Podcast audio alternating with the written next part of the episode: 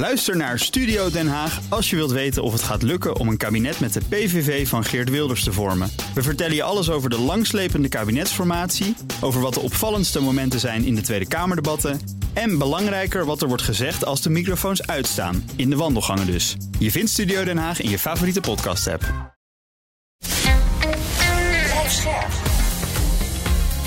BNR Nieuwsradio. Boekenstein en de Wijk.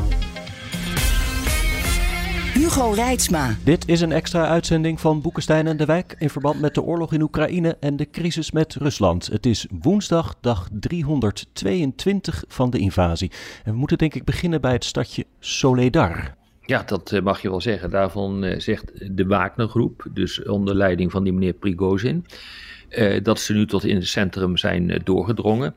straatgevechten die vinden nu plaats.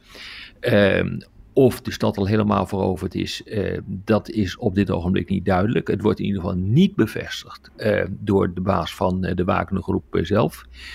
maar hij zegt wel, we zijn wel helemaal de stad binnengedrongen. Hm. Nou ja, de grote vraag is natuurlijk, jongens, wat betekent dit nou eigenlijk? want het is een stad van niks. er, wonen, er woonden, moet ik zeggen, 10.000 inwoners. Dus echt een, een, een uit de kluiten gewassen dorp, geen, geen grote stad. Eh, er wordt eh, voortdurend eh, geroepen van ja, daar zitten zoutmijnen onder. Hm. Dat geldt, er zijn ook gipsmijnen in, in de buurt. en die zoutmijnen die worden gebruikt door het Oekraïnse leger om, om die te gebruiken als opslagplaats of om het materieel daarin op te slaan. En dat is nou eigenlijk wat, wat de Russen eigenlijk ook willen doen. Dat is een belangrijke reden. er wordt ook gesteld dat Prigozhin zegt van die zoutmijnen die zijn voor mij. Want dat uh, maakt onderdeel uit van mijn verdienmodel. Ja, je moet natuurlijk die duizenden militairen die hij in zijn, uh, uh, in zijn groep heeft zitten, die moet je toch op een of andere manier wel weten te betalen. Dat kan je misschien nou wel met, met zout doen. Dat is een hm. suggestie die de Amerikanen hebben, hebben gedaan. Hm. Maar het allerbelangrijkste natuurlijk is, kijk, als je uh, daar hebt gewonnen uh, ligt dan de weg naar Bakmoed open. Ja, wat even de geografie. Uh, dit ligt allemaal in de Donbass. Hè, en dan ligt exact. Soledar ligt net ten noorden van Bakmoed. En volgens mij ook langs de zuidkant proberen uh, de Wagnergroep ook op te trekken richting, ja. richting Bakmoed. Om het zo in de tang te nemen. Exact, van drie kanten wordt er opgetrokken. Nou, dat zou dus inderdaad kunnen. Ehm, dan moet er nog wel wat gebeuren, want daarvoor gaat het toch echt wel te traag op dit, dit ogenblik. Ehm, maar ja, als je dat dus gaat doen en als dat lukt, ja, dan ligt de weg uh, voor Rusland naar de, de Donbass verder open.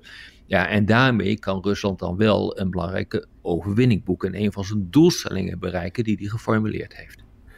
Ja, wat ik er echt heel erg interessant aan vind is het volgende. Stel je nou eens voor dat dat Rusland zou lukken. En nogmaals, dat is helemaal niet uh, zeker dat dat gaat lukken. Want we hebben nee. allemaal tegenstrijdige berichten. En zelfs de Russen, de minister van Defensie, erkent dat ze niet heel solidair in handen hebben. Hè? Maar goed, ja. als dat zo zou zijn, dan zou het de eerste keer sinds juli zijn dat de Russen vooruit gaan. Maar dat, dat er iets lukt. Ja. Hè? ja. Nou, uh, als je, ik ben er heel erg diep ingedoken en je, je leest de meest aangrijpende rapporten over dus dat huizen constant wordt bezet en weer worden verloren. En heel hmm. veel mensen sterven aan beide kanten. Hè? En er is zelfs een Oekraïense soldaat in een Guardian report die zegt: ja, waar zijn we in godsnaam hiermee bezig? Er gaan ongelooflijk veel mensen dood. Uh, en, en, en, en, en wat is nou de betekenis hier allemaal van? Hè? Nou, dat, maar dat is een belangrijk punt. Dat ja. is een belangrijk punt, Arend Jan. De symbolische waarde van Bakmoed, die overstijgt op dit ogenblik, vind ik, de strategische waarde van die stad. Ja. Ja. Want eigenlijk, wat je eigenlijk zou willen, maar goed, ik ben geen militair expert. Ik denk dat je, de, je wil je strijd daar voeren waar je een kans hebt om te winnen. En je wil graag onderhandelen als de zaak vastzit. Nou, in deze toestand, in deze idiote oorlog, komt het dus voor dat je ongelooflijk veel mensen verliest. En dat je er betrekkelijk weinig voor terugkrijgt. Hm. En, dat, en voor het eerst lees ik nu ook van Oekraïnse soldaten dat ze zich daarover verbazen. Waar zijn we in godsnaam mee bezig? Ja, ja maar de symboliek zit hem in, in het feit dat hier uh, een heroïsch Oekraïns leger tegenover een overweldigende en uiterst vrede vijand staat. Uh, dit, is een, uh, dit is een symbool geworden van goed en slecht. En eh, als je dus nu ook kijkt wat er in Oekraïne zelf gebeurt en eh, hoe de discussies verlopen, dan is hout bakmoed, dat is iets wat continu de ronde uh, doet. En dat betekent dus dat als bakmoed valt, dat dan ook de consequenties enorm zijn. De psychologische consequenties zijn dan enorm. Hm. Zowel in Oekraïne zelf als ook in het buitenland. Ik kwam ergens uh, de, de, mooie Amerikaanse term sunken cost fallacy tegen. Dus de, de, de, denkfout van we hebben er al zoveel moeite in gestopt. Ja. Nu kunnen we niet alsnog wijken. En dat dat eigenlijk geldt voor zowel de Russen als de Oekraïners. Ja, dat klopt. Je, je graaft jezelf in, letterlijk en figuurlijk uh, hier. En uh, ja, je reputatie is nu compleet afhankelijk van een overwinning uh, in dat gebied. En dat geldt voor beide partijen. Ja. Dat klopt. En het geldt dus ook voor de wapenleveranties. Hè? Die worden daaraan gekoppeld. Hè? Als het lukt, ja. en ook iets kan, dan komen de tanks uh, eerder. En eerlijk gezegd, wat ik me nou afvraag is... gaat dit perverse mechanisme, om het zo maar eens even te noemen... Hè? gaat dat ook de steun in het Westen aantasten? En ook ja, gaat dat is een belangrijk punt. Ja. ja. En, ja, en nogmaals, ik ben daar helemaal geen voorstander van hoor, dat dat gebeurt. Maar ik probeer het gewoon cool te analyseren. Gaat er ook in Oekraïne een discussie opstaan van, is dit nou een handige politiek die we doen? Kunnen we ons niet beter concentreren op de dingen, op de, op de, moeten we niet onze battles kiezen in plaats van dat we dit doen? Nou, nou ja, dat betekent ja. dus dat je, zo, uh, dat, dat je die, die stad gewoon opgeeft. Dat kan natuurlijk ook. Hè? Ja. Je, je kunt je tactisch terugtrekken. Dat hebben uh, de Russen gedaan nog niet zo lang geleden achter in Dnieper. En uh, dat, is, dat is een, militair gezien een goede beslissing geweest. Exact. Ja. Ik dacht wel eens ergens te hebben gelezen dat hè, als je dus vanuit Bachmoed zou je naar Sloviansk en Kramatorsk kunnen. Ja. Dat zijn eigenlijk de grote steden in de Donetsk-provincie die de Russen nog niet hebben. Maar dat die weg daar naartoe eigenlijk heel goed verdedigbaar is. Dus als Oekraïne Bachmoed opgeeft, dan kunnen ze zich terugtrekken op een uh, hele stevige positie. Waardoor de Russen dan dat stakje Bachmoed hebben, maar ook niet verder komen. Dat, dat lijkt me dus een intelligente opmerking eigenlijk. En, dat, en dat gaat in Oekraïne, volgens mij, gaat dat rond. Denk je niet? Hm. Ik weet het niet. Kijk, aan de andere kant gaat het ook weer niet zo slecht met Oekraïne. Uh, want als je in de buurt van de Crimea gaat uh, kijken, uh, dan wordt de zaak wel redelijk vastgehouden. En dat geldt ook voor een aantal andere punten aan, aan de linie, met name in het, in het oosten. Hm. Dus het is, het is ook niet zo dat het nou helemaal kommer en kwel is. Maar dit, dit begint echt een symbolische waarde te krijgen. En realiseer dat symbolische uh, waarden buitengewoon belangrijk zijn in oorlogen. Ja, misschien als laatste nog eventjes op, op dit punt, dat die Prigozhin, de baas van Wagner, dat die zei in zijn uh, statement dat ze dus Solidar zouden hebben, zei hij, ik wil nogmaals benadrukken dat er geen andere eenheden dan de strijdkrachten van Wagner hebben deelgenomen aan de ja. aanval op Solidar. Je hebt daar dus weer dat je bij hem af en toe het idee krijgt, is nou zijn grootste vijand het Oekraïense leger of het Russische ministerie van Defensie? Ja, nee, hij heeft een eigen agenda, Hugo. Zo simpel is dat. En dat, uh, dat, daarom heb ik ook die opmerking gemaakt over de toegang tot die zoutmijnen. Maar het geldt ook voor de gipsmijnen. Uh, dat, dat kan onderdeel zijn van je verdienmodel. Ja, nee, uh, natuurlijk. En wat ook interessant is, die opmerking van Peskov, hè, de woordvoerder, van dit gaat slechts om een tactische overwinning, geen strategische. En het komt uit een very, very high cost. En dat is, dat is, heel kritisch eigenlijk wat hij zegt. Dat is precies wat het is. Hè? Hm. Het heeft waanzinnig veel levens. Er maar dat is interessant mensen... dat Peskov dat zegt. Ja, dat vind ik ook. Dat, dat is interessant dat Peskov dat zegt. Want Peskov, uh, die hoort dit natuurlijk alleen maar toe te juichen. En die hoort te zeggen dat dit een enorme strategische overwinning is. Hm. Maar wat je dus hier duidelijk ziet, is de rivaliteit tussen Prigozhin, de, de baas van Wagner. En Peskov. En, uh, ja, en, en, en, Peskov, die natuurlijk gewoon eigenlijk het regime vertegenwoordigt. Is de woordvoerder ja, van het Kremlin. Ja. Zo is het. Hey, we hadden het al over uh, tanks. Arjan, jij noemde dat al. Die discussie die, die blijft maar lopen. Hè? Of dus die moderne westerse tanks wel of niet aan Oekraïne geleverd gaan worden. Ja, wat je dus ziet is... Uh, Engeland overweegt nu om 10 Challenge 2 tanks te geven. En ze, ze hebben in totaal 227. En men denkt dus dat Engeland dat doet om de druk op Duitsland te verhogen om die Leopard uh, te geven. Hè? Mhm. Oekraïne vraagt drie, maar liefst 300 Leopards. Er zijn er 2000 van in de Europese Unie in bezit van 13 landen. Ze worden gemaakt in Duitsland. En als je mhm. die dus wil inzetten, dan moet je toestemming hebben van de Duitse ja. regering. 20 januari komt de Ramstein contactgroep bijeen en dan zal het tot een culminatiepunt komen. En de situatie nu is dus nog even herhalen. 50 Bradley van Amerika, 40 Marder van Duitsland en 30 AMX-10 van Frankrijk. En dat zijn dan gevechtsvoertuigen, dus dat is iets lichter uh, voertuigen dan die, die tanks. Ja. Maar je mag ook niet eh, de 200 T-72 tanks uh, vergeten die vanuit het westen zijn geleverd. Hè. Dat zijn die oude Sovjet-tanks. En dus er zijn wel degelijk tanks geleverd. Hmm. Uh, uh, maar dat, die komen bijvoorbeeld uit de oude arsenalen van de oude Warschau-paktlanden, zoals Polen. Ja. dus er zijn wel degelijk tanks geleverd. geleverd. Maar je moet je ook even na indenken wat het gaat betekenen als je al dat materieel door elkaar gaat leveren. Dus nu ook nog een keer weer uh, Challenger tanks. En daarna ook weer eens een keer um, um, Leopard 2 tanks. Ja. Uh, wat dat logistiek voor gevolgen heeft. Hm. Die hebben andere munitie namelijk. Ja. En uh, ja, de, de, de, munitie loopt uiteen.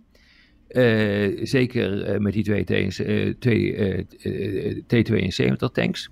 dus de munitie loopt uiteen. Maar ook de hele aanvoer uh, van die munitie, reserveonderdelen, ga zo maar door. Daar heb hmm. je gewoon allemaal verschillende logistieke lijnen voor nodig. Dus het is wel heel erg complex. Hmm. Ja, uh, Rob, jij had nog iets over mobilisatie. Um...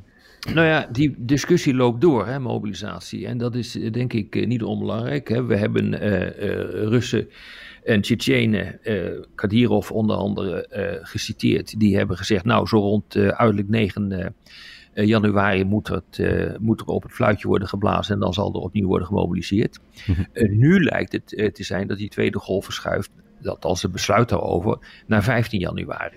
Dat wordt vervolgens wordt dat weer ontkend door het, door het Kremlin. Ehm, maar we zien nu ook dat commandanten ter plekke dus in de Oekraïne zelf aandringen op, uh, op een verdere mobilisatie. En Arend Jan heeft het getal van 500.000 uh, genoemd eerder deze week. Hm. Uh, en dat getal begint dus nu ook steeds harder rond te, te zingen. en er wordt nu zelfs gezegd van, nou mogelijkerwijs moet er zelfs een derde golf van mobilisatie komen om echt een overwinning te kunnen boeken. En dus ook om maar eventjes wat, er, wat we net hebben besproken. Ehm, over die hele aanval rond Bakmoed en uh, Solidar. Uh, uh, om dat maar even in perspectief te plaatsen. Als de Russen zelf zeggen dat ze 500.000 man extra nodig hebben en mogelijkerwijs daarna nog meer. Ja, dan kun je niet verwachten dat, dat de boel snel geklaard is in de Donbass. Exact. Op dit en, ogenblik. En daar kan ik een, iets aan verbinden. Er staat een ontzettend interessant artikel van meneer Trovimov in de Wall Street Journal. En die man die beweert het volgende. Oekraïne trapte eigenlijk in de val van Wagner. Dan hebben we het dus weer over Soledar. Hè? Want zij vechten namelijk nu een hele bloedige strijd op Russische voorwaarden. Die betekent dat er dus heel veel slachtoffers aan beide kanten vallen. Hè? Nou ja, Oekraïne heeft die soldaten natuurlijk nodig voor, dat lenteoffensief straks. En dat gaat zo niet goed met dit soort uh, uh, bloedige gevechten. Nee, maar we zitten wel in een kritische fase hoor. Ja. dus um, kijk, we hebben uh, geconstateerd dat het verlies van Solidar, dat, dat, een, dat dat met name een symbolisch belangrijke gebeurtenis zal zijn, als dat inderdaad het geval zal zijn.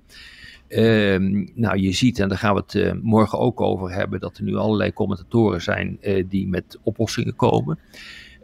maar zo'n oorlog die op deze manier toch feitelijk escaleert, ook in de ogen van het Westen, uh, kan maar heel makkelijk uit, uit de hand lopen.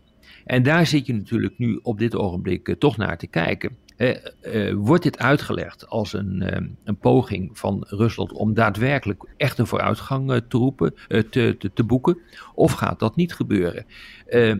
dus je, je koppelt daaraan de levering van nieuwe zware wapens. Hm van wapens waarmee je nog verder uh, doelen kunt bereiken. dus die, die tanks die kun je niet loskoppelen van de situatie ter plekke, die eigenlijk verslechtert. Sowieso verslechtert die al een tijdje in het nadeel van, van Oekraïne. Nou, en dat betekent dus dat je met een enorm dilemma komt te zitten. Namelijk het, als Westen, er is een risico dat het verder escaleert. Als het escaleert, kan het NAVO-verdragsgebied bereiken en dan heb je die zware wapensystemen nodig voor je eigen verdediging? Of ga je die wapensystemen nu geheel of gedeeltelijk overdragen aan de Oekraïners? Nou, zeg het maar. Dat is het dilemma waarvoor je steeds meer komt te staan. Ja. En dat, kan, dat kwartje kan beide kanten opvallen. Hè? Ja, of exact. meer naar Oekraïne, of juist niet. En, en, en dan krijgen we dus een, een frozen conflict. Ja? Ja. Het is ongelooflijk moeilijk om dit te, te voorspellen. Nee, dat kun je ook niet voorspellen. Het is een, eh, het is, eh, als, een- als een voetbalwedstrijd waarbij de coach weet hoe sterk zijn eigen partij is en die van de tegenstander. Eh, maar dan- daarmee kan die niet, ook al is zijn eigen partij een voordeel, 100% zeggen die en die gaat winnen. Dat kan niet. Ja, als we nu kijken naar het, eh, ja, het grotere plaatje. China, dat afstand lijkt te nemen van Poetin. Toenadering lijkt te zoeken tot Europa. Wat puntjes uit een eh, groot en erg interessant stuk in de Financial Times. Getiteld Xi Jinping's Plan to Reset China's Economy and Win Back Friends. Als je dat googelt, dan kan je zonder abonnement ook de Financial Times lezen. Tip van mij. Jullie hadden dat stuk ook met erg veel interesse gelezen, hè? Ja, is goed stuk hoor. Het is ontzettend interessant. En eh, weet je, die FT-correspondenten daar, die ken ik wel, want die treden namelijk op in, in podcasts waar ik eh, naar luister. En die jongens zijn ontzettend goed geïnformeerd. Ik zal je een voorbeeld geven hoe dat dan werkt. Eh, vijf senior Chinese hoge ambtenaren hebben onafhankelijk van elkaar aan die FT-jongens gezegd van jongens, Moskou heeft ons helemaal niet geïnformeerd dat er een full-scale attack in Oekraïne zat aan te komen. Wij voelen Ja. ons gewoon bedrogen.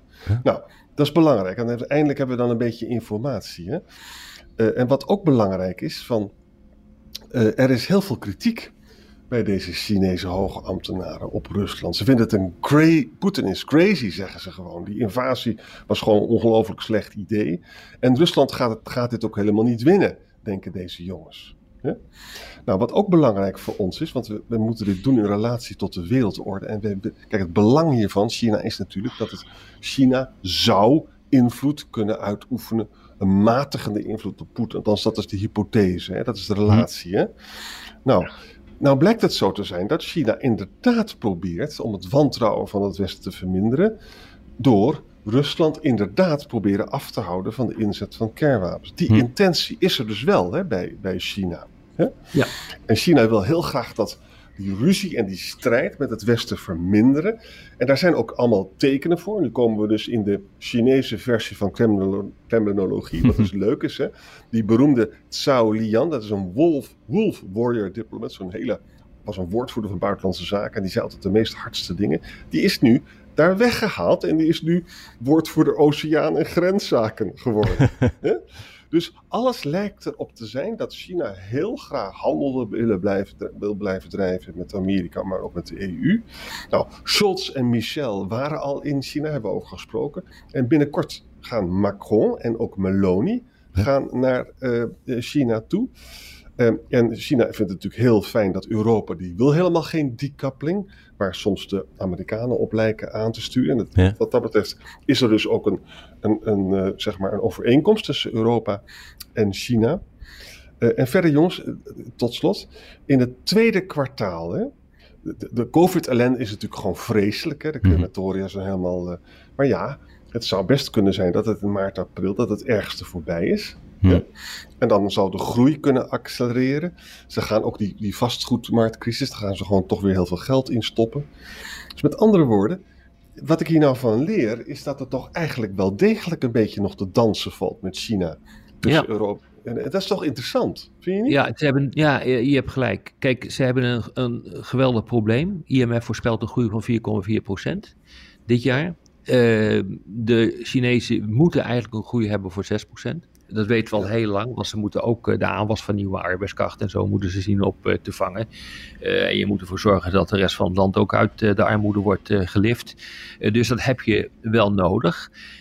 Maar het probleem is natuurlijk dat die Chinezen zien dat ze aan Rusland steeds minder hebben. Hm. Want dat land, ja, dat kan Ja. natuurlijk ook op een gegeven moment imploderen en of zich ontwikkelen tot een failed state, of tot een land dat geweldige problemen krijgt met zijn minderheden, want die minderheden worden continu ingezet eh, in de Oekraïne, zodat de Moscovieten dat zelf niet hoeven te doen. Eh, ehm, dat, dat, zien, dat zien die Chinezen natuurlijk ook. En ze willen absoluut niet dat er een totaal instabiel Rusland aan hun grens komt te liggen. En inderdaad, Arend Jan, ik vond ook het belangrijkste opmerking uit het stuk wat we nu bespreken is dat uh, Xi zich verneukt voelt door Poetin. Want daar komt het feitelijk huiselijk gezegd op neer. Hè? Mm. Poetin, en ik citeer even letterlijk, want dat is toch wel interessant um, om dat te, te, doen. Wat, wat we kennelijk weten vanuit het gesprek, het roemruchte gesprek aan de vooravond van de Olympische Spelen, waar Poetin en Xi met elkaar hebben gesproken en ze 5000 woorden op papier hebben gezet, waarbij ze eigenlijk zeiden van oké, uh, Poetin, jij mag je gang gaan in uh, Europa en dan ga ik, zie mijn gang in Azië. Uh, toen zou Poetin hebben gezegd dat hij overweegt om maatregelen te nemen tegen de, om de separatisten te bescherpen. Dus dat is Luhansk en Donetsk, die zogenaamde volksrepubliekjes. En een humanitaire ramp te voorkomen. Dus dat is een hele beperkte operatie. Ja, ja. En die nogal vergelijkbaar is, denk ik, met wat, wat Xi volgens zijn eigen inzichten op dit ogenblik aan het doen is in Xinjiang tegen de ja. Oeigoeren. Ah, daar zit, ja.